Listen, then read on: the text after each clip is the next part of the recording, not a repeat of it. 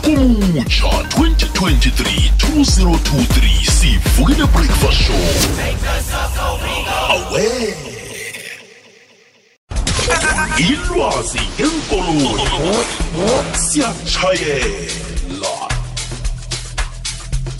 suzuke nje ilisumi nemzuzu embili bumbene isimbi kungekhomba leyikwekwezi fm kukhanya ba ngelesibili ke nokho siyatshayela eh bakhona abantu-ke eh abathe mhlawumbe ukubuthelela buthelela imali umuntu wahlela wathi hayi mani ngifuna khe ngiyokucalacala nje ikoloyi khe ngiyokuthenga ikoloyi.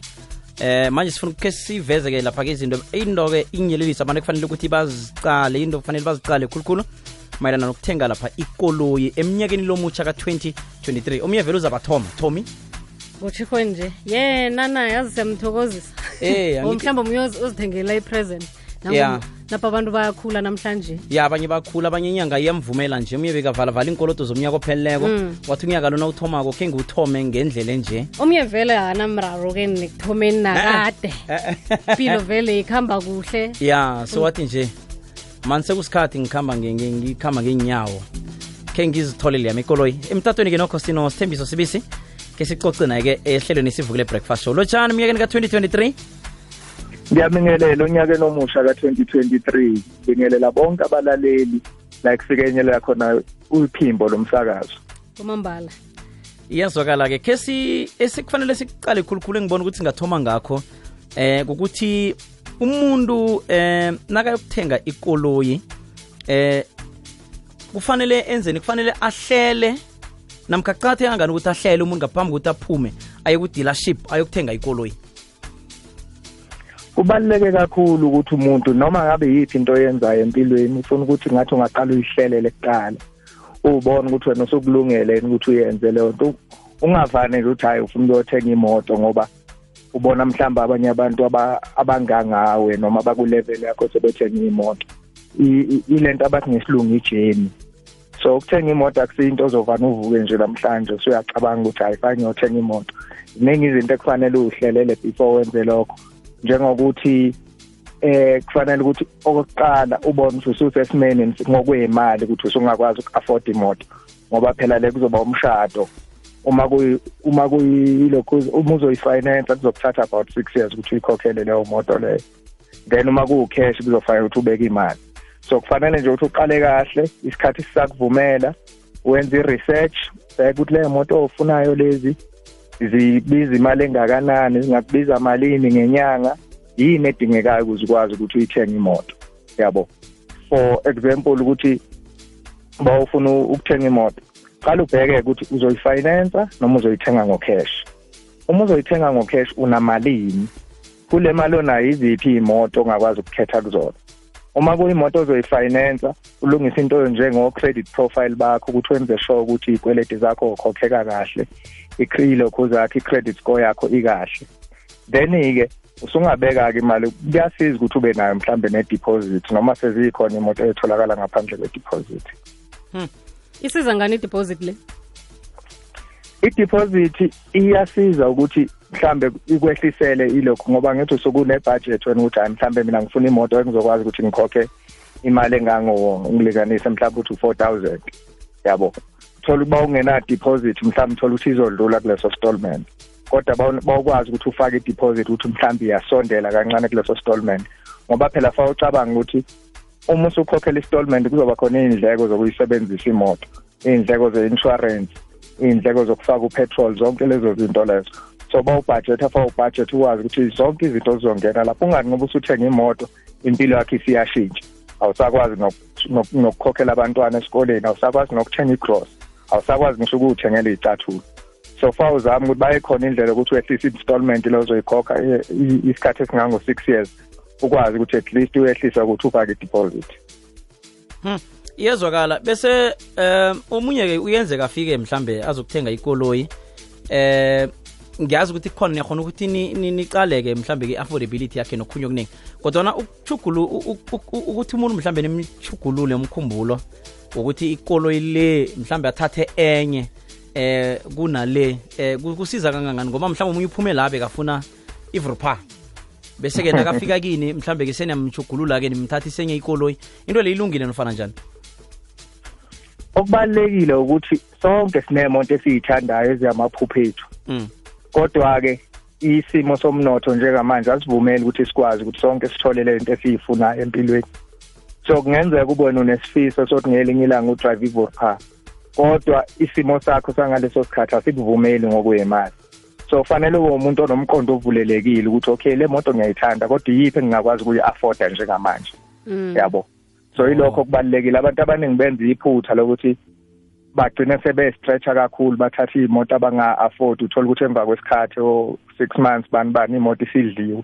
Ngoba umuntu uvane wathi hayi mina ngifuna le.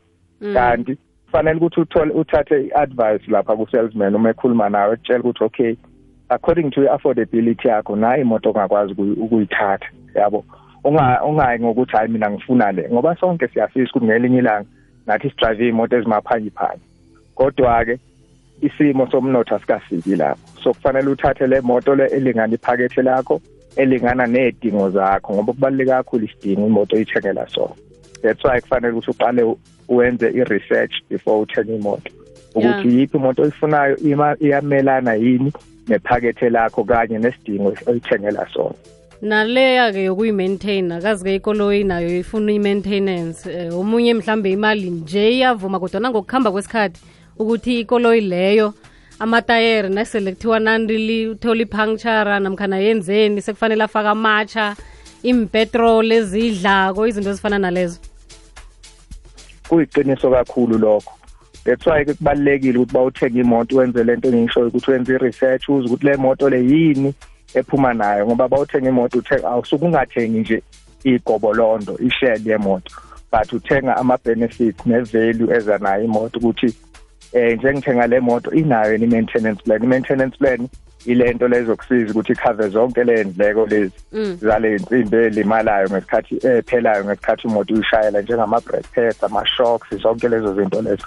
So uma imoto yakho ine-maintenance uyithatha ine-maintenance i-maintenance plan yayo isibaliwe vele kule installment lezi oh. Uma imoto yakho ine-warranty kusho ukuthi noma ngabe yini efayo kuleso sikhathi i-warranty eyiso mhlawumbe five years uyazi ukuthi kuleso sikhathi sika-five years noma ngabe kufane kungafanele ife akuphume ephaketheni lakho. Mm, so kuyasiza kakhulu ukuthi uthole imoto ene-warranty ene-maintenance plan. Into wena usuyoyikhokhela kuphela sekuyoba amathaya. Amathaya akusinto eyishintsha njalo. Mhlawumbe into ozoyishintsha after three years four years depending ukuthi uhambe endleleni enjani nokuthi ushayela kanjani. Mhm. Eh mhlambe ngufeaturesana nje i i- i- i- kunezinye inkolo esele zikhambileko ez eh, mhlambe inkoloyi ezisetshenzisiweko kunenkoloyi ezitsha ungathini ngazo Eh mina bengingathi kuya ngakho ukuthi isimo somnotho sikuvumela kangakanani. So imoto ezisebenzile nazo zikahle uma uzothola ine service history ethengisayo ukuthi ibiserviswa kuphi serviswa ngesikhathi iphatheke kanjani. Futhi kube imoto engenayo ama kilometers ephezulu kakhulu. Kungabi imoto mhlambe sike yangena nasengozini yabo. kodwa ke bawuthenga imoto enjalo ukhumbule ukuthi i-maintenance ilokhuze i-warranty yayo isiqalile vele mhlawumbe isiyiphakathi nendawo noma isiyophela. Isinalento ekuthiwa i-balance of warranty ayisenayo i-full warranty. Mhlawumbe sekungadingakala ukuthi uyilokhuze lapho u-extend i-warranty ukuze ube nalowo kuthula emqondweni. Kodwa-ke if imali kuvumele imoto enje iyona ezokunika ukuthula okuningi ngoba iphuma ne-warranty egcwele iphume ne-maintenance plan egcwele. Eh futhi ke bawuyimoto oy- oyithenga ngebhange. Isikhathi esiningi ama-installment emoto entsha ayebe phansi. Ngesizathu sokuthi ibhange khona lento bathi i-balloon payment le mali le abayibeka eceleni abe- ab- ab- ekwazi ukuthi ukwehlisela installment so i-percentage yayo uma kuyimoto entsha bayavuma ukuthi iye phezulu up to 40 percent okwenza ukuthi installment sayo sehle and interest rate yemoto ezintsha iphansi kuneyemoto endala ngenxa ye-risk yemoto.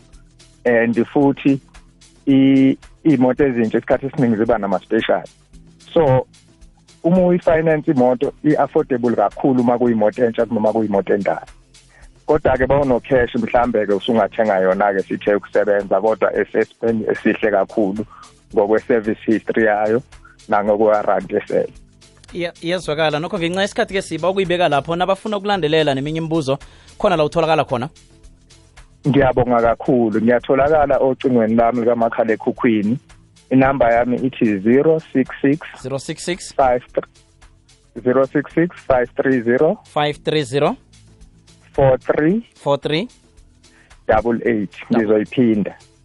066 530 43 double eight sithokoze khulu mani ilwazi usinikele lona eh, sithembiso sibisi. Ngiyabonga kakhulu ithuba eningipha lona nami inkosi nibusise aha izwakele.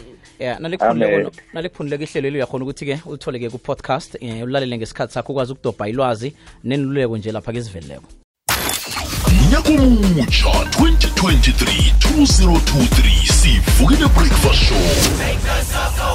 Awe